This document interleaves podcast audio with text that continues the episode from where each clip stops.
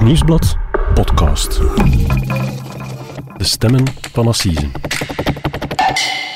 Hallo, mijn naam is Mark Lefman, misdaadreporter bij het Nieuwsblad. En ik ben Cedric Lagast, journalist bij diezelfde krant. En dit is onze podcast, De Stemmen van Assisen, waarbij we u meenemen achter de schermen van elk belangrijk proces. En vandaag hebben we het over de moord op Julie van Espen in Antwerpen. Het assiseproces dat nu van start gaat, dreigt ook een beetje het proces van justitie te worden.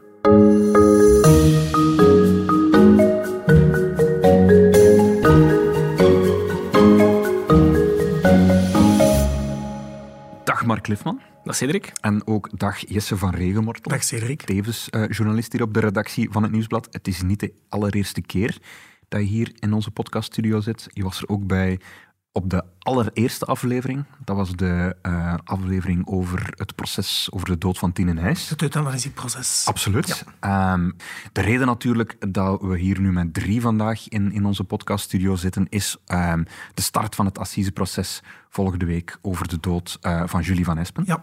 Dat is een proces dat jullie um, allebei gaan volgen. Samen volgen. Ja, en Jesse, jij hebt de afgelopen dagen in de krant al een reconstructie gemaakt. Klopt. En Mark, jij hebt de afgelopen jaren ook heel veel over die zaak uh, geschreven. Uh, ik heb ook eens een portret gebracht over wie Julie voilà. eigenlijk was. En ja. wij hebben jou dan erbij geroepen om ons te kunnen vertellen um, wie Julie van Espen eigenlijk was. Uh, onze producer wil ook heel graag nog dat ik vermeld dat je deze aflevering ook helemaal op YouTube kunt beluisteren en bekijken, ook uiteraard. Um, het proces dan, het proces dat volgende week start. Het, is, uh, het onderzoek zelf heeft um, de afgelopen jaren heel wat teweeggebracht in Vlaanderen. Dat heeft heel veel media-aandacht gekregen. Um, we vermoeden dat dat volgende week niet zal anders niet anders zal zijn. zijn. Nee. nee dat dat ook heel veel um, weerklank zal krijgen. De reden is natuurlijk nog een tweede vraag die eigenlijk over dat proces sluimert. En dat is natuurlijk, had haar dood vermeden kunnen worden? Zijn er bij justitie fouten gemaakt waardoor dat dit eigenlijk voorkomen had kunnen worden. Erik en Kaat, de ouders van Julie, flyeren heel de ochtend lang in Merksem, in de buurt van het Sportpaleis. Hun dochter van 23 is sinds gisteravond vermist. Julie zou met vriendinnen afspreken op het Zuid. Julie vertrok bij haar thuis rond half zeven in Schraven-Wezel. Ze zou via het Albertkanaal gefietst hebben over de fietsbrug door Parkspoor Noord. De papa van Julie heeft heel het parcours afgefietst, maar zonder resultaat. Mijn dochter die is sinds uh, gisteravond uh, vermist, half zeven. En uh, op basis van wat ze nog hebben kunnen tracen van, ik zal maar zeggen, Telenet, dus van de gsm, ja. is tussen het Sportpaleis en eigenlijk hier Karettenstraat, allee, die omgeving. Elke uur dat het later wordt, zeg maar zeggen, is dat een stukje minder. Maar ja, we proberen ook volop bezig te zijn, want anders, allee, als we alleen maar moeten thuis zitten, dat gaat ons ook niet helpen en zal ze zeker ook niet terugbrengen. De foto's van Julie hangen overal aan het Albertkanaal. Haar vriend Thomas coördineert de zoekactie. Een half uur nadat ze thuis vertrok, stuurde Julie hem nog een bericht. Nadien heeft niemand nog iets van haar vernomen. Ze gaat zo vaak met, met fiets naar het stad, maar ja, het kan altijd gebeuren. Hè. Je blijft gewoon gaan, dat ik ze vind, hopelijk. Julie van Espen is uh, verdwenen op zaterdag 4 mei 2019. En Jesse, ik heb de afgelopen dagen met veel aandacht de reconstructie gelezen in de krant die jij gemaakt hebt over wat er allemaal gebeurd is. Uh, die zaak is gestart, zo herinner ik me nog, als, als een vermissingszaak eigenlijk. En we hoorden hier net een fragment van, van ATV, waarbij dat we de, de papa van Julie van Espen horen en ook haar vriend Thomas. Kan je ons nog eens vertellen, waar gingen ze die avond precies heen? Wat is er die avond eigenlijk precies gebeurd? Mm-hmm. Um, het was een zaterdagavond in de lente. Mm-hmm. Julie, die 23 jaar was, had afgesproken met uh, Kathleen en Monique, twee van haar beste vriendinnen, uh, op Zuid in Antwerpen om samen te gaan eten op restaurant. Ze is vertrokken thuis in Schraafwezel bij haar ouders. Um, mooi huis in een nette groene buurt in Schilde. En ze is vertrokken met de fiets. Okay. Dat was niet abnormaal. Ze, ze, ze, deed dat altijd. Ze kende dat traject ook vanuit Schilde langs het Albertkanaal naar Antwerpen. Dat is nog een flink stukje, denk Dat is ik. 15 kilometer. Um, 15 kilometer terug. Drie Ja. kwartier fietsen. Maar ze deed dat graag en ze was dat gewoon. Ze, ze deed alles met de fiets. Met haar eh, zwarte damesfiets, met een rieten mandje erop, uh, fietste zij door het leven. Ja. Soms deed ze die route wel drie keer op een dag. Maar ze is uiteindelijk nooit aangekomen, uiteindelijk in Antwerpen, begrijp ik. Hè? Uh, die vriendinnen slaan diezelfde avond nog alarm. Waarom eigenlijk? Want Wel, dat ze- er eens een vriendin niet komt opdagen op een etentje... Wat gebeurt alle dagen, denk ik. Dat is niet... Ze, ze waren maar met drie. Het, was, het lag niet in de aard van Julie om niet te komen opdagen. Ze had laten weten dat ze vertrokken was. Haar ouders wisten dat ze, dat ze thuis vertrokken was. En ehm, op een bepaald moment hebben die vriendinnen gebeld naar de ouders van Julie om te laten weten dat haar vriendin niet was opgedaagd. En eh, de ouders hebben dan alarm geslagen bij de politie. En, en schiet de politie onmiddellijk in, in actie? Of zeggen ze, wat mm, soms wel eens gebeurt bij een volwassene als die verdwijnt, van, bel morgen eens terug, ze zal misschien wel nog opdagen. Nee, nee, het is, eh, het is zaterdagavond, het is al laat, maar ze zijn direct beginnen zoeken. Hè. Ehm, agenten van de, van de lokale politie zijn meteen de route die Julie altijd fietste naar Antwerpen eh, beginnen afzoeken. Zelfs met, hele met- 15 kilometer. Zeker, en, en zelfs een deel ehm, te voet ook, met speurhonden. En eigenlijk zijn ze op dat moment ook heel dicht geweest bij de plek waar daar op dat moment het lichaam van Julie al lag. Maar uiteraard wist niemand dat op dat moment. Nee, ik, herinner me die dagen nog, dat meteen na die zondag verschenen er hier in Antwerpen overal foto's van haar. De, hele stad leek vol te hangen met, met, met, met flyers, met dat virkes, met, met haar foto op. Ehm, op sociale media ook zagen, zagen we overal oproepen tot getuigen en zo. Ik denk dat Ehm, iedereen die beelden wel nog voor zich ziet op televisie, ook in de Ja, journaals. maar als ik het me niet vergis, zijn het ook die vrienden die aan het zoeken waren die voor die eerste doorbraak hebben gezorgd. Julie had veel vrienden en er zijn heel veel mensen meteen voor haar in gang geschoten. En het is ook een van die vrijwilligers die uiteindelijk in de loop van zondag, tijdens hun zoektocht in een grasberm, de kleren, de bebloede kleren van eh, Julie heeft teruggevonden. En toen wist men natuurlijk dat er iets heel erg mis, mis moest zijn. Ja, dat was dan de, de, de, burg- de burgemeester Gabriel Teunisbrug in, In- Merksem. In de volksmond de brug van het Sportpaleis in Merksem. Voilà, kijk. dat wist ik niet. Eh, die brug bestaat niet meer, denk ik nu. Die is afgebroken ondertussen. Voilà. Eh, maar het is aan die plek dat, dat, ehm, dat die kleren gevonden worden. Ik herinner me ook dat dat eigenlijk niet echt als goed nieuws overkwam. Dat was slecht nieuws, want er waren kleren gevonden met bebloed. Het was, dat was eigenlijk het moment ook van... We ja- zitten niet met een verdwijning of iemand die even vertrokken is om voor tijd voor zichzelf Natuurlijk, te nemen. je, je kunt altijd hopen dat er iets is gebeurd dat een goede afloop zal kennen. Ja. Dat, ze, dat ze toch naar ergens anders is gegaan. Voilà, Eh, dat, was er- tot dan nog mogelijk. Of dat er een accident is gebeurd en dat ze gewond ergens langs de kant van de weg ligt, maar, maar er wel doorkomt. Maar op dat moment, je vindt bebloede kleren, dan, dan, dan weet je, dit is heel erg fout. En ehm, ja, dan, dan begint men te denken aan een moord. Ja, wat gebeurt er dan nog? Dan, dan gaan ze gaan, die, die plek gaan doorzoeken. Ja, en, en, en de ruimere omgeving. En ehm, daar in de buurt is ook het oefencomplex van ehm, de Antwerp Giants, de basketbalclub. Ehm, daar is men aan het zoeken. En daar op een bepaald moment vindt opnieuw een van die vrijwilligers bij een vuilnisbak het mandje dat aan eh, het stuur van de fiets van Julie altijd hing. had. Ja. Gelukkig, daar op die plek hangen heel veel camera's. Ja. Dus weet men ook, oké, we moeten die beelden beginnen analyseren. Ja. En, en wat zien ze op de beelden? Redelijk snel eh, vinden ze op die beelden ehm, een man die eh, wegwandelt met dat rieten mandje in zijn hand. En vanaf dan hebben ze eigenlijk een hoofdverdachte in het vizier. Ja,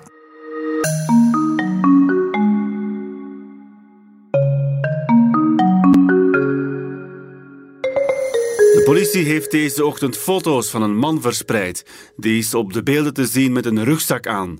Hij zou een belangrijke getuige zijn. Deze nacht heeft de politie van Antwerpen een opsporingsbericht verspreid. Zij wensen graag te spreken met een getuige die in de buurt van de plaats waar Julie het laatst gezien is, opgedoken is.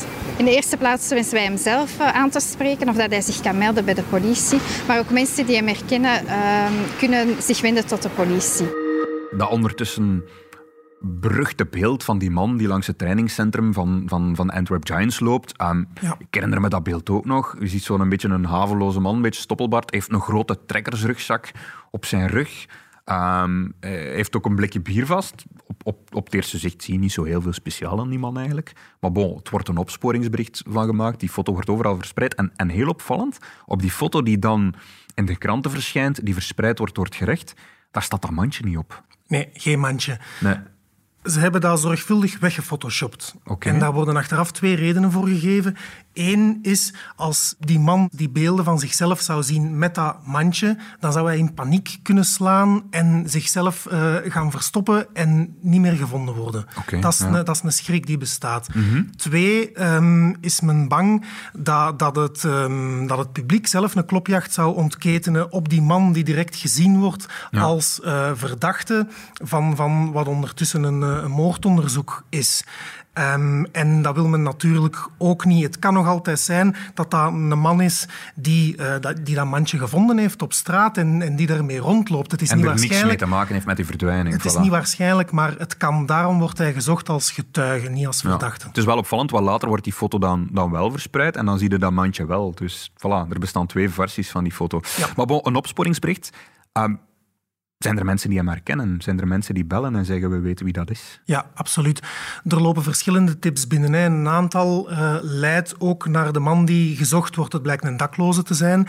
Bij de Antwerpse dakloze organisatie Camiano herkennen ze hem eh, als, als, als de man die geregeld bij hen om een warme maaltijd komt. Eh, iemand die een loner is, die, die tegen niet veel mensen praat, met wie ze ook geen contact kunnen maken, maar ze weten wel wie hij is. En er is ook zijn, zijn oom die hem eh, eerder geregeld heeft opgevangen, die, ehm, die hem herkent op die beelden en die ook naar de politie belt. Maar moeilijk, een dakloze, moeilijke zoektocht, want dat zijn mensen die per definitie geen vast adres hebben. Dus ze kunnen niet zomaar naar zijn huis rijden en daar gaan aankloppen. Ehm, er, er worden wel een aantal huiszoekingen gedaan, ook bij familieleden van hem, bij zijn moeder in Merksem eh, onder andere, maar zonder resultaat. Ja, oké. En hoe vinden ze hem dan toch? Hij heeft een gsm op zak en die kan men traceren. Oké. Ehm, de verdachte is ondertussen niet meer in Antwerpen. Hij heeft in Antwerpen Centraal een trein gepakt, eerst naar Mechelen. Is Hij gevlucht eigenlijk.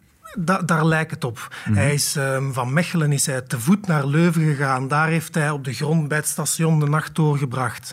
S ochtends vroeg staat hij op, neemt hij een trein naar Genk en neemt een trein terug. En waarom neemt hij een trein van Leuven naar Genk en terug? Een... Misschien is hij op de vlucht, misschien had hij het heel erg koud van eh, een lentenacht eh, op, op, op de stenen vloer te slapen en wil hij zich gewoon opwarmen in een In warm trein, treinstel. Eh, in elk geval, ehm, hij treint heen en terug naar Leuven en het is bij terugkomst in het station van Leuven ehm, maandagochtend rond een uur of elf dat de speurders hem staan op te wachten. En dan krijgt de dader een naam. Dan weten we om wie het gaat.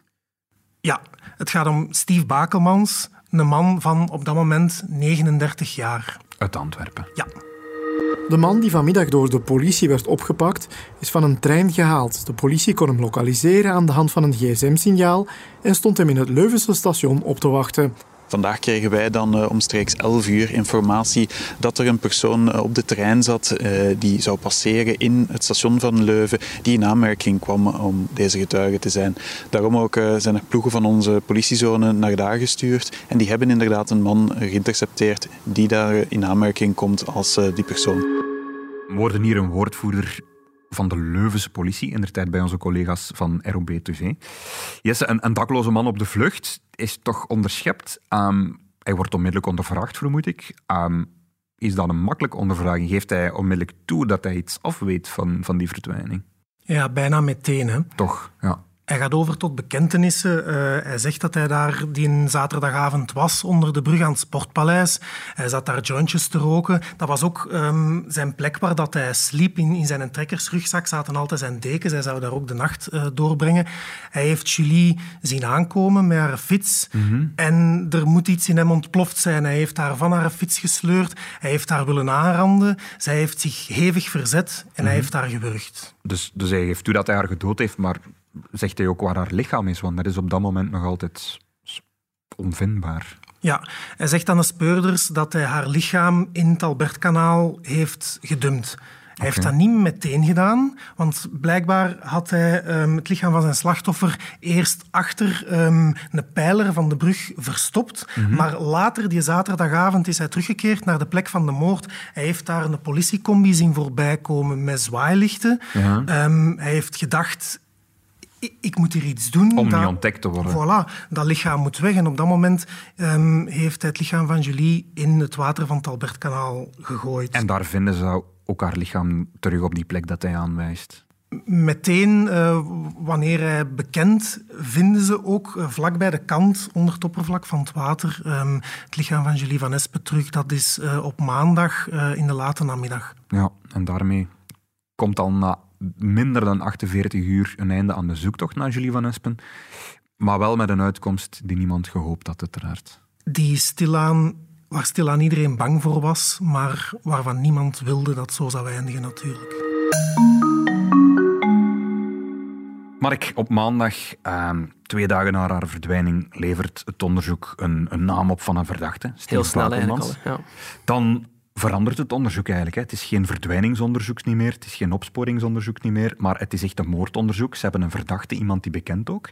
En er verschijnen dan heel veel artikels over Steve Bakelmans. Want Steve Bakelmans, het is eigenlijk een een beetje een mysterieuze persoon, een beetje een, Ja. een vreemde vogel, als ik dat zo mag zeggen. Het is een beetje zoals Jesse al aanhaalde. Het was een, het was, het was een dakloze. Het was, het was een, Steve Bakermans was een kerel die eigenlijk al een, toch een tijd een beetje op de dool was. Hij leefde op straat. Afhankelijk verbleef hij vooral zo aan de buurt van het Centraal Station. Ehm, maar wel opvallend was, hij maakte daar blijkbaar ook met iedereen ruzie, met andere daklozen ook. Ja. Ehm, wat we weten over hem is dat hij, ja, hij, hij gebruikte veel drugs. Ehm, had dan ook veel problemen met mensen. Ehm, had weinig vrienden. Hij begon, hij begon diefstallen te plegen. En op een gegeven moment zou hij dan ja, eh, meer de, de, de- ga- gaan leven zijn eh, aan het gebied rond het Sportpaleis, waar dan uiteindelijk de feiten zijn gebeurd. Eh, we hebben hem een aantal keren gezien in de afgelopen jaren. Het was niet een vaste klant van ons, maar hij kwam toch af en toe hier eten. Hè. En welke indruk maakte hij? Ja, hij was een beetje zoals eh, nu ook wordt omschreven, een zonderling. Iemand die weinig sprak, eh, tot wie het moeilijk doordringen was en met wie we weinig tot gesprek zijn kunnen komen. We hoorden hier iemand van de daklozenorganisatie Camiano, die hem een tijdje heeft opgevangen, die hem een beetje kon portretteren.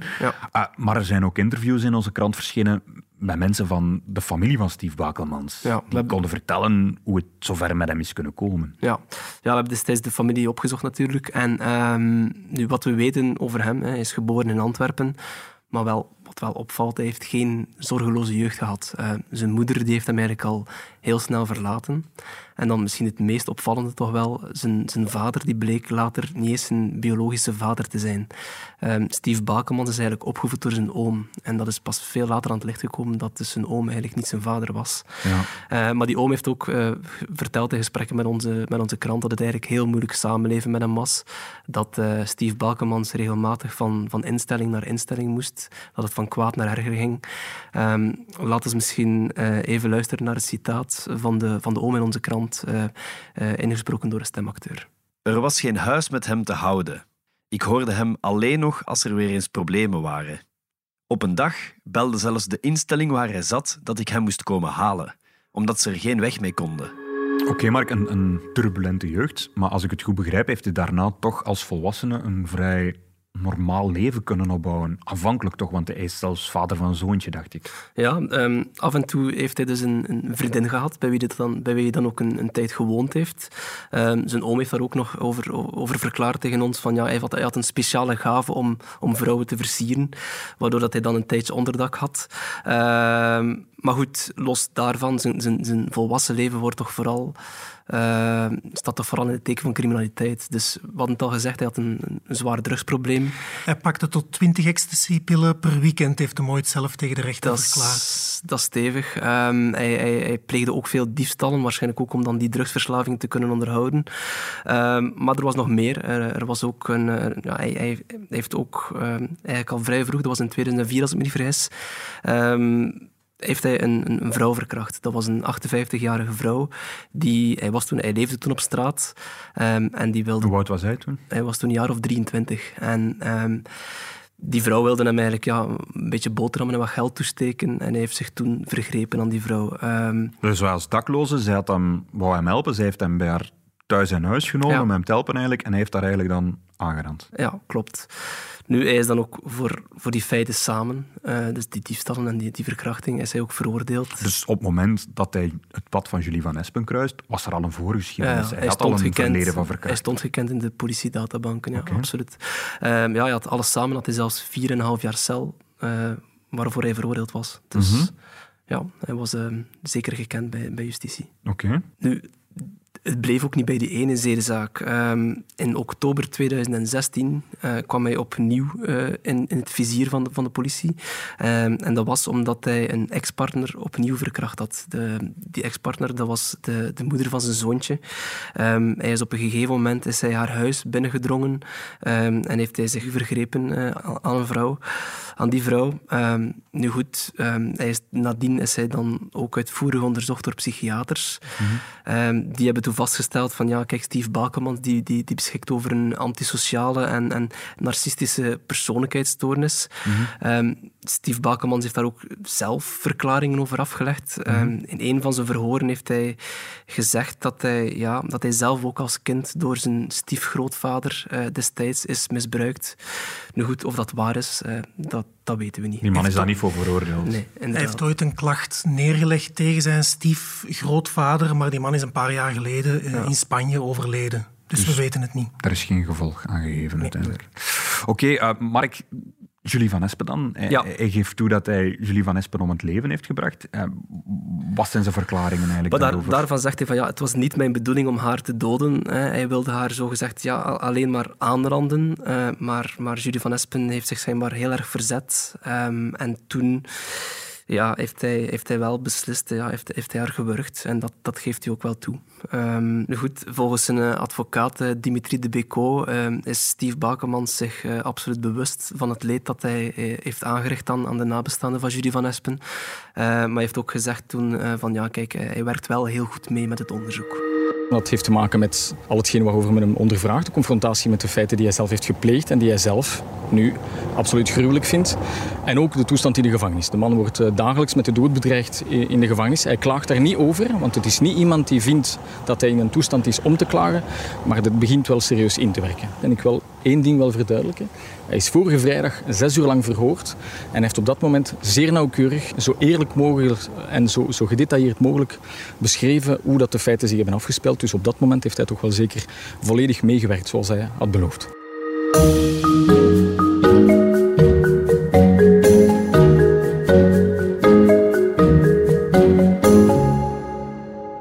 We hebben bij de aanvang van deze podcast al gezegd dat het eh, proces niet alleen het proces van Steve Bagelmans dreigt te worden, maar ook een beetje het proces van justitie ook. Want de vraag die zich stelt eigenlijk is, mocht Steve Bakelmans op 4 mei 2019, mocht hij dan eigenlijk wel op vrije voeten zijn op het moment dat hij Julie van Espen tegenkwam? Dat is inderdaad de vraag. Ehm, nu, Steve Bakemans die is in juni 2017, ehm, dus eigenlijk twee jaar voor de, voor de moord op Julie van Espen, ehm, is, hij, is hij nog maar veroordeeld tot een gevangenisstraf van vier jaar effectief. Ehm, zware straf, maar dat was dan ook voor de verkrachting van die ex-vrouw waar we het eigenlijk daarnet al, eh, al over hadden. Ja. Maar eh, Steve Bakemans liep toch nog altijd vrij rond. En het blijkt dus eff- effectief wel dat er ja, verschillende scha- schakels binnen justitie het laten afweten hebben op dat moment. maar leg eens dat eens uit, want vier jaar effectieve, effectieve celstraf, dan vlieg je toch in de gevangenis. Normaal vier jaar celstraf, als, als zo'n uitspraak valt, dan wordt iemand effectief naar de gevangenis gestuurd. Dat kan je niet, dat kan je niet aan ontkomen. In principe moet dat zo zijn. Nu, hij heeft na die verkrachting in 2016 heeft hij een drietal maanden in voorrechtenis gezeten. Mhm. Ehm, maar hij is dan vrijgelaten onder voorwaarden. Hij is als een vrij man op zijn proces gekomen. Eh, en het opmerkelijke is, na die veroordeling van vier jaar effectief, is hij niet onmiddellijk naar de gevangenis gestuurd. Ehm, ehm, hij heeft ook meteen beroep aangetekend tegen, eh, tegen zijn straf. En de zaak in beroep zou voorkomen twee jaar later pas. Mhm. Ehm, dat was, als ik me niet vergis, in juni 2019. Maar Maar ondertussen was hij Julie van Espen al tegengekomen. Inderdaad, maand daarvoor. Een maand ervoor, 4 mei, we hadden het er al over. Heeft Ja, zij, maar maar leg me eens uit, waarom op het moment dat de rechter met zijn hamertje klopt en zegt van vier jaar celstraf, waarom wordt hij dan niet onmiddellijk naar de gevangenis gestuurd? Dat is toch gewoon logisch? Ja, en nu, het, eh, het, eh, het Hof van Beroep heeft daar later eh, op een, op een persconferentie over gezegd van, ja, kijk, we konden hem niet aanhouden. Ehm, hij, hij heeft, ehm, er is gevraagd, dus de aanklager had toen wel gevraagd van ja, we vragen zijn onmiddellijke aanhouding, maar de rechtbank is daar toen niet op ingegaan, omdat er op dat moment voor de rechtbank geen aanwijzingen waren dat Steve Balkemans uh, mogelijk vluchtgevaarlijk was. De regel is dat, en dat is voor 90% van de beklaagden die voor de rechter verschijnen, dat zij als een vrij persoon verschijnen en dus niet aangehouden zijn. En als zij veroordeeld worden en in beroep gaan, dan blijven zij vrij totdat er een uitspraak is in hoger beroep. Het enige criterium om de onmiddellijke aanhouding te bevelen is het vluchtgevaar. Het vluchtgevaar, dus het risico dat men zich zou onttrekken aan de uitvoering van de straf. We worden hier Jo Danen um, van het Antwerpse Hof van Beroep. Een fragment uit 2019 van bij onze collega's bij ATV. Als ik hem goed begrijp, zegt hij eigenlijk: we kunnen alleen maar mensen um, aanhouden als blijkt dat ze vluchtgevaarlijk zijn. Maar, maar, maar, was Bakelmans vluchtgevaarlijk? Hij bleek achteraf gezien wel, wel degelijk zeker uh, vluchtgevaarlijk. Uh, onze collega Dirk Kozemans die heeft uh, ooit eens kunnen aantonen dat Steve Bakelmans, hè, herinner je, dus hij was dus veroordeeld voor een eerste verkrachting op een eerste vrouw. Waar hij vier jaar voor in de cel heeft gezeten. Vier jaar voor in de cel gezeten. Tijdens die strafuitvoering mm -hmm. is hij, mocht hij meerdere keren de gevangenis voor één dag verlaten. Een mm -hmm. uitgaansvergunning heet dat dan. Okay. Um, maar toen is hij meermaals op de vlucht geslagen. Ene keer is hij uh, zelfs helemaal niet meer teruggekeerd. Hij maanden, was hij zeven maanden spoorloos. Dus in de periode dat hij vier jaar gevangenisstraf moet uitzitten, zijn er periodes dat hij eigenlijk wegvlucht uit de gevangenis en, en, en zeven maanden lang op de vlucht blijft, dat hij voortvluchtig blijft. Spoorloos is zelfs, ja, ja. Dus hij was wel vluchtgevaarlijk. Waarom zegt de rechter dan dat hij niet vluchtgevaarlijk is en stuurt hij hem niet naar de gevangenis? Omdat die cruciale informatie eigenlijk nooit tot bij de rechtbank is geraakt. Oké, de rechter wist het niet. De rechter wist het niet. De Hoge Raad voor Justitie, dat is een, een, een toezichtsorgaan, zeg maar. Die moeten magistraten een beetje um, in het oog houden. Die moeten dan ook evalueren, zien of dat ze hun werk wel goed doen. Die hebben eind 2019 ook een, een heel kritisch rapport geschreven over wat daar allemaal gebeurd is. Hè? Zeer kritisch, ja. Wiens schuld was het eigenlijk? Wat is, een, wat is hun oordeel? Maar hun oordeel is eigenlijk dat er een, een, gedeelde schuld is. Enerzijds ligt er schuld bij het Tof van Beroep. Uh, want het Tof van Beroep heeft volgens het rapport dan de mm-hmm. zaak rond Steve Bakelmans veel te lang laten aanslepen. Er was een magistraat die die zaak ja, voor de rechtbank moest brengen. Uh, die man is blijkbaar een tijd in vakantie geweest. De dossier is een beetje ja, in, in een kast beland eigenlijk. Ja. En, en, veel te lang op de lange baan geschoven. Maar anderzijds zegt het rapport ook van kijk, ja, het parket treft ook schuld. Ja. Want uh, we hebben het al gezegd, hè, de, de, cruciale informatie over Steve Balkenmans, dat hij, dat hij vluchtgevaarlijk was, is, is nooit tot bij de juiste mensen geraakt. Dat dus... hebben ze nooit aan de rechter uitgelegd, nee, waardoor voilà. hij en, hem en, had kunnen aanhouden. Dus er is wel degelijk uh, sprake van gedeelde schuld. Ja, um, de ouders van Julie van Espen, die hebben in der tijd ook gereageerd op, op, op, op dat rapport. Ja. Die hebben zich altijd heel sereen, heel sereen op de achtergrond gehouden. Die hebben altijd discreet eigenlijk zelfs. Een afwachtende houding. Ook altijd ja. gezegd van we wachten het proces af. Maar, maar toen hebben ze wel heel fel uitgehaald. Plots onverwacht eigenlijk. Ja, in een open brief eigenlijk die in onze krant is verschenen. Ja, uh, inderdaad. En hun conclusie is eigenlijk ook wel heel hard. En men zei eigenlijk van ja, Julie had nog geleefd als iedereen bij justitie zijn verantwoordelijkheid had genomen. Dat is hard. Dat was een harde conclusie. Um, zij pleiten in die open, in die open brief ook voor een, een soort comité J. We kennen dat wel bijvoorbeeld bij de politie, heb je het comité P dat de politiediensten ja. controleert. Zij willen dan een comité J dat dan justitie Dat zou een dienst zijn die magistraat echt op de vingers kan tikken en ja, echt voilà. kan sanctioneren. Uh, want ze maakten eigenlijk uh, de vergelijking uh, met, een, met een ontsnapte leeuw. ik zal het misschien even voorlezen. Zij zeggen van ja, kijk, wat zou de samenleving ervan vinden als een, als een leeuw een kind zou aanvallen en, en de directeur zou uitleggen dat hij niet genoeg middelen had om de leeuw uh, in een kooi te zetten. Um, er zat niets anders op dan die leeuw in de vrijheid rond te laten lopen. Dat zou niet aanvaard worden dat natuurlijk, dat, er een leeuw worden. rondloopt voilà. in Antwerpen. Waarom Steve Bakelmans dan wel?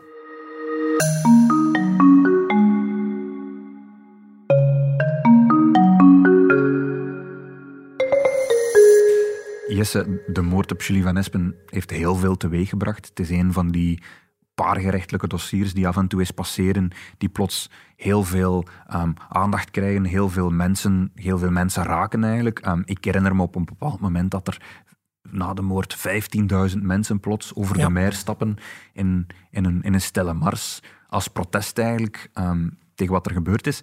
Jesse, kan jij ons een beetje uitleggen waarom dat net dit verhaal zoveel mensen geraakt heeft? Omdat het zo herkenbaar is, omdat Julie Van Espen zo herkenbaar is. Jonge vrouwen denken dit had mij kunnen overkomen. Het was klaarlichte dag, ze was gewoon aan het fietsen. Ja. Ehm, mensen denken, dit had mijn zus kunnen zijn, mijn vriendin kunnen zijn. Alain Remu van de celvermiste personen die erbij was op het moment dat het lichaam van Julie Van Espen uit het water van het Albertkanaal werd gehaald, dacht, dit had mijn dochter kunnen zijn. Daarom, daarom raakt het zoveel mensen. En heeft het ook iets met te maken met het feit dat ja, justitie hier gefaald zou kunnen hebben? Dat ze zich niet beschermd voelen? Uiteraard, want dan, dan werd de, de emotie ook voor een stuk uh, woede. Hè? Uh, het had voorkomen kunnen worden, het had voorkomen moeten worden. Steve Bakelmans had daar niet mogen zitten onder die brug. En daardoor is Julie Van Espen een beetje een symbool geworden eigenlijk. Absoluut. De, de plek waar ze gevonden is, is onmiddellijk een soort schrijn geworden in de dagen nadat ze werd gevonden. Met, met, met kaarsen die mensen gingen aansteken. Er stonden foto's, er werden bloemen neergelegd. Heel de ochtend lang komen mensen aan in het gemeentehuis van Schilde om er hun gevoelens te uiten in het rouwregister of een boodschap neer te schrijven voor de familie van Julie. Ik heb dan ook nog in dat rouwregister geschreven dat mijns inziens de rechterlijke macht niet vrij uitgaat. Zelfs sterk uitgedrukt boter op het hoofd heeft in deze oh, verschrikkelijke affaire. Een beetje woedend eigenlijk dat zoiets kan gebeuren op klaarlichte dag. Gewoon, je denkt dat je veilig naar de stad kunt uh, fietsen, maar dat blijkt dus niet, niet meer te gaan. Ik was een teken aan mijn dochter, die twintig is. En die trekt er al bijna op. Het is echt uh, heel, heel droevig. Worden hier nog een aantal reacties van mensen um, die een rouwregister gingen tekenen in, uh, in het gemeentehuis van Schilde in 2019, in die periode. Um, om toch een beetje te tonen hoe, hoe dat toen leefde. Um, Mark, jij bent in de tijd ook um, met de vriendinnen van Julie Van Espen gaan praten. Hè? Ja. Um, om een beetje te weten te komen, om haar, om haar te kunnen schetsen eigenlijk, om te kunnen vertellen wie ze was. Mm.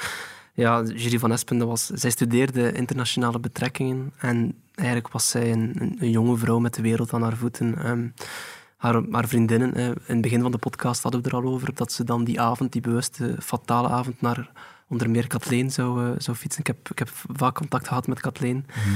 Um, en zij omschrijft uh, Julie Van Espen als een heel vrolijk, uh, uitbundig meisje. Ja. Um, ze hebben eens met, met alle vriendinnen samen een aantal foto's aan, aan, mij bezorgd van Julie Van Espen, hun lievelingsfoto's van hoe zij haar herinneren. En daar komt heel veel hetzelfde terug. Hè. Iemand, die, iemand die zoveel mogelijk uit haar dag wilde halen, um, die genoot van, van de ochtendzon. iemand waarvoor ze heel veel bijnamen hadden, maar de bijnaam die het meest terugkwam was het, het zonnestraaltje. Iemand die ook heel graag naar, naar concerten ging. Uh, Coldplay was haar favoriete band. Ja, um, ja zoals ik zeg, het was, het, was een, het was een jonge vrouw met de wereld aan haar voeten. En, en ja, ja, zo wordt zij ook omschreven. Ze hebben in de tijd ook een, een, video gemaakt om haar te herdenken. Misschien kunnen we daar een stukje van laten horen. Weet je, Julie, toen je van ons weggerukt werd, ging er een golf door ons land. Een die alles en iedereen geraakt heeft. Maar raken, dat deed jij al heel lang. 23 jaar. Elke dag weer. Dat was een natuurlijk effect dat je had op iedereen waarmee je in contact kwam. Julie was echt zo gewoon een persoon van als ze geen tijd had, dan wou ze toch nog zo vijf minuten zien. Dan zei ze van, kom, ik kom nog snel even af, uh, even naar uw coach gewoon of met u naar de les wandelen. Gewoon die vijf minuten waren zo belangrijk voor haar. Ook Julie leefde echt heel hard mee met de dingen waar dat jij doorging. Ja. Uh, als je een moeilijker moment had of een gebroken hart of wat dan ook. Julie, Julie voelde die pijn echt en ervaarde dat mee met u. Julie was totaal niet materialistisch, maar merkte wel op als iemand anders zelf zoiets iets nieuws aan had of, of iets met haar aan had gedaan. Of, of, of. Maar voor zichzelf maakte dat echt niet uit. De meeste golven deinen uit en gaan weer liggen. Maar de jouwe Julie, die blijft maar mensen raken. Uit de gesprekken met de vriendinnen blijkt, blijkt eigenlijk dat, uh, dat, dat Julie van Espen altijd overal heen fietste met haar fiets. Hè. Hebben we al verteld. Uh, opvallend detail daarbij is dat, dat in haar rugzak uh, had ze ook altijd een, een duikbril. volgens de vriendinnen was dat dan ook omdat ja, je weet nooit of er een, een mogelijkheid was om te zwemmen. Dan, dan, dan sprong ze gewoon in het water. Julie van Espen, dus een, jaar voor haar overlijden, is ze nog uh, op, uh, op uitwisseling geweest naar Australië. En dan, ja, ze is overleden op haar 23ste en dat is eigenlijk net het jaar dat ze zou afstuderen. Ja. Eigenlijk stond zij uh, ja, echt klaar om, om aan een toekomst te beginnen, ook met haar vriend Thomas. Ehm, maar goed, het heeft dus niet mogen zijn. Ze studeerde um, internationale betrekkingen, denk ik, en diplomatie. Dus um, ja, het was ook een geëngageerde toekomst, zoals van plan. Zeker, en ja, er, er was gewoon een mooie, mooie toekomst voor haar weggelegd, absoluut. Ze heeft dat ook zo tegen haar ouders gezegd. Hè. Ze wilde iets bijdragen aan de maatschappij. En ze heeft uiteindelijk ook iets in beweging gezet. Ze heeft mensen samengebracht. Er zijn muurschilderingen met haar beeldenis gemaakt. Er zijn liedjes over haar gemaakt. Toneelstukken zelfs. En, en natuurlijk is het ook haar, haar persoonlijkheid, zoals Mark schetst, die, die uh, haar tot een symbool heeft um, gemaakt, omdat, omdat Julie altijd zo blijgezind was. Haar vriendinnen hebben een keer een, eh, een, een anekdote verteld over het feit dat een van hen s ochtends moeilijk uit haar bed kon. En dan um, stond Julie vroeger op. Ze fietste naar haar vriendin toe, ze ging aan haar bed staan en ze zei, hop, kom aan, opstaan, het wordt een mooie dag. Ja. En dat is wat haar vriendinnen ook uh, zeggen. Um, Julie had de levensvreugde waar dat wij allemaal jaloers op zijn. De reden waarom dat we hier zitten, natuurlijk, is het assiseproces dat volgende week start. Het assiseproces van uh, Steve Bakelmans. Um, jullie gaan dat allebei volgen uh, voor de krant. Of ook niet, want er is een mogelijkheid. De ouders hebben een speciaal verzoek ingediend. Ja, vrij uitzonderlijk eigenlijk. Dus de ouders hebben eigenlijk gevraagd bij monden van een advocaat dan of het proces uh, achter gesloten deuren kan plaatsvinden. wat wil dat ehm, zeggen? Dat wil eigenlijk zeggen dat er geen publiek mag zijn, dat er ook geen pers mag zijn, dat eigenlijk enkel de betrokken partijen, dus ja, de, de familieleden, eh, de, de rechters natuurlijk, de juryleden uiteraard, uh, de alleen zij mogen in de zaal zitten. Voilà, alleen zij, de betrokken partijen, mogen in de zaal zitten. En dan gaan de deuren dicht en dan... Uh, ja. ja. En waarom hebben ze dat gevraagd? Wel, ja, goed, los van het moorddossier is hier ook sprake van een zedenzaak. En de, de ouders die, die, die willen eigenlijk niet dat er bepaalde details over Jury van Espen uh, zomaar op de straatstenen belanden. En daarom ja, verkiezen zij ervoor dat, dat die zaak achter gesloten deuren plaatsvindt. De bescherming van het privéleven van slachtoffer en nabestaanden. Uh, de wet laat dat toe. Een van de betichtingen is verkrachting. En de wet voorziet uitdrukkelijk dat men in dat geval de sluiting van de deuren kan vragen. Het wordt ook voorzien door het Europees Verdrag voor de Rechten van de Mens dat men dat kan vragen in het belang van de bescherming van het privéleven. We hoorden hier John Maas, de, de, advocaat van de ouders van Jury van Espen. Ja. Ja, kijk, gesloten deuren op assisen, dat zou toch uh, zeer uitzonderlijk zijn. Het is al een paar keer in een ver verleden voorgekomen, maar nog niet zo vaak, denk ik. Uh, want ja, rechtspraak is openbaar in ons land. Uh, dat heeft verschillende redenen, omdat ja, natuurlijk uh, vonnissen of arresten kunnen een maatschappelijke invloed hebben. Ehm, en bij assisen heb je nog meer dan bij andere processen misschien. Heb je het feit dat daar, ja, het is, het is eigenlijk de, het volk dat spreekt, hè, de jury, dus de twaalf gezworen die die recht spreken. En niet de rechters achter gesloten deuren, achter, in achterkamertjes, nee, het is het volk zelf. Het is het volk zelf, hè, dus ja, dat, dan, is het meer gebruikelijk dat dat met open deuren gebeurt. Um, ik heb het ooit nog meegemaakt op een assiseproces in Brussel, dat uh, de voorzitter het, het assiseproces pauzeerde, liet stilleggen, omdat achteraan in de zaal toevallig een agent de deuren had dichtgedaan. Het was koud of tochten of zo en hij deed de deuren dicht. En de rechter onmiddellijk zei, oh stop, nee, die deuren moeten weer geopend worden, omdat er letterlijk in de wet staat dat het assiseproces met open, deuren, moet gevoerd worden. Dat wil eigenlijk gewoon zeggen, iedereen mag komen luisteren, iedereen moet de kans kunnen krijgen. Om die zaak te volgen. Om te horen wat daar gezegd wordt. Ja, ja. ja daarom. We zijn heel benieuwd wat er, de, wat er nu beslist zal worden. Hè. Uh, het is zo, de, de voorzitter gaat daar op de eerste uh, procesdag, dus uh, op maandag, over beslissen of het dan al dan niet open of gesloten deuren zal zijn. Nu, in deze zaak ligt het nog delicater eigenlijk. We, hebben, we, hebben, we hebben uitgebreid gesproken over die mogelijke fouten die er gebeurd zijn in, bij, justitie. In, bij justitie in dit onderzoek. Uh, het is dan misschien ook een beetje raar als de zaak achter gesloten deuren plaats zou vinden. Dat, ja, dan kan men dat ook ja, beschouwen als ja, men wil de, Justitie houdt de potjes gedekt, houden. En, en ja, dat, Dat, dat, zal misschien ook meespelen. Dus we zijn heel benieuwd wat daar, uh, wat daar beslist zal worden. Volgens mij is er ook een mogelijkheid eigenlijk dat, dat het um, gedeeltelijk achter gesloten deuren gevoerd wordt. Dat bepaalde passages, bepaalde getuigen wel achter gesloten getuigen um, uh, aan het woord komen en de andere de delen gewoon in misschien, de openbaarheid. Misschien is dat uh, de gulden middenweg. We zullen zien. Ja. Jesse, um, als het proces doorgaat, um, als jullie het proces zullen volgen, welke advocaten zullen jullie dan aan het woord zien? Wel, de advocaten zullen er sowieso zijn. Hè. En Steve Bakelmans die heeft al een aantal advocaten gehad. Hier in de uh, Assisezaal wordt hij bijgestaan door Dimitri de Becco, een Brusselse advocaat die we kennen van het uh, tv-programma Justice for All. Ja. Maar ook van een aantal uh, terreurprocessen. Hè. Zo was hij erbij um, um, bij het proces tegen het Iraanse koppel dat in Antwerpen veroordeeld werd ja. um, voor een aanslag die ze in Frankrijk wilden plegen. Ja, dat was ook in Antwerpen trouwens. Ja. Ik herinner mij hem ook van het Sharia for Belgium proces in Antwerpen. Ja, was hij voilà. ook in Antwerpen. Um, hij zal de verdediging van Bakelmans op zich nemen samen met uh, advocaat Marlies Verkammen. Oké. Okay. En de familie van Julie um, heeft dan weer de ervaren strafpleiter John Maas onder de arm genomen. We hebben hem net gehoord, voilà. Ja, en um, zoals, uh, zoals gezegd, hij is zeer ervaren. heeft al uh, heel wat processen, ook assiseprocessen, op de teller staan. En we hebben hem um, onlangs nog allemaal gezien in het proces rond Bart de Pauw. Ja. Um, de aanklager in dit proces is uh, Björn Baks. En... Ook iemand die heel vaak in Antwerpen de rol van aanklager invult op assiseprocessen. Ja, klopt. En de voorzitter van de rechtbank is Alexandra van Kelst. Dat is ook wel interessant, Cedric. Uh, Alexander van Kelst is eigenlijk ook een heel ervaren magistraat die ook al in geruchtmakende assiseprocessen heeft opgetreden. Okay. Ik herinner me bijvoorbeeld uh, de zaak Renaud Hardy. Ja. Die kennen we nog. Dat was Seriemoordenaar. Een, heeft feiten gepleegd, heeft ja, moord gepleegd, verkrachting gepleegd. Zeer ophefmakende zaak. Mm -hmm. En Alexandra van Kelst was toen de aanklager in die zaak. Oké. Okay. Dus de aanklager van toen is nu de voorzitter. Is ondertussen de, de voorzitter geworden, is dus rechter geworden, klopt. Ja. Er is er mij niks anders dan jullie nog te bedanken, Mark en Jesse, voor jullie zeer uh, deskundige uitleg. Heel graag gedaan. Graag gedaan. Ik kijk uit naar jullie uh, verslagen over wat er allemaal in de rechtszaal gebeurt en naar jullie indrukken ook over uh, wat er allemaal zal meespelen op dat assiseproces. Um, onze kijkers kunnen dat allemaal volgen elke dag in de krant, uiteraard. Um, en ook op de website, uiteraard.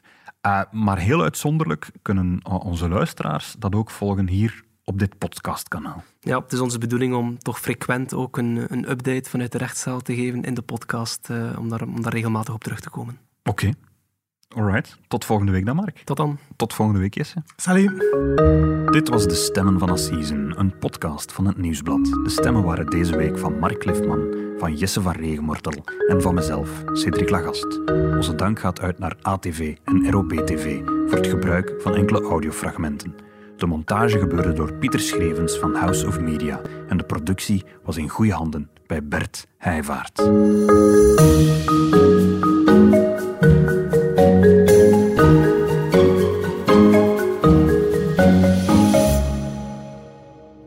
Beluister zeker ook eens de andere podcasts van het Nieuwsblad. Shotcast bijvoorbeeld, onze wekelijkse voetbalpodcast. Of Het Punt van Van Impe, waarin onze hoofdredacteur Lisbeth Van Impe de actualiteit fileert. We hebben ook vrolijke vrekken, die geven jou slimme besparingstips. En in december start er een nieuw seizoen van Koninklijk Bloed.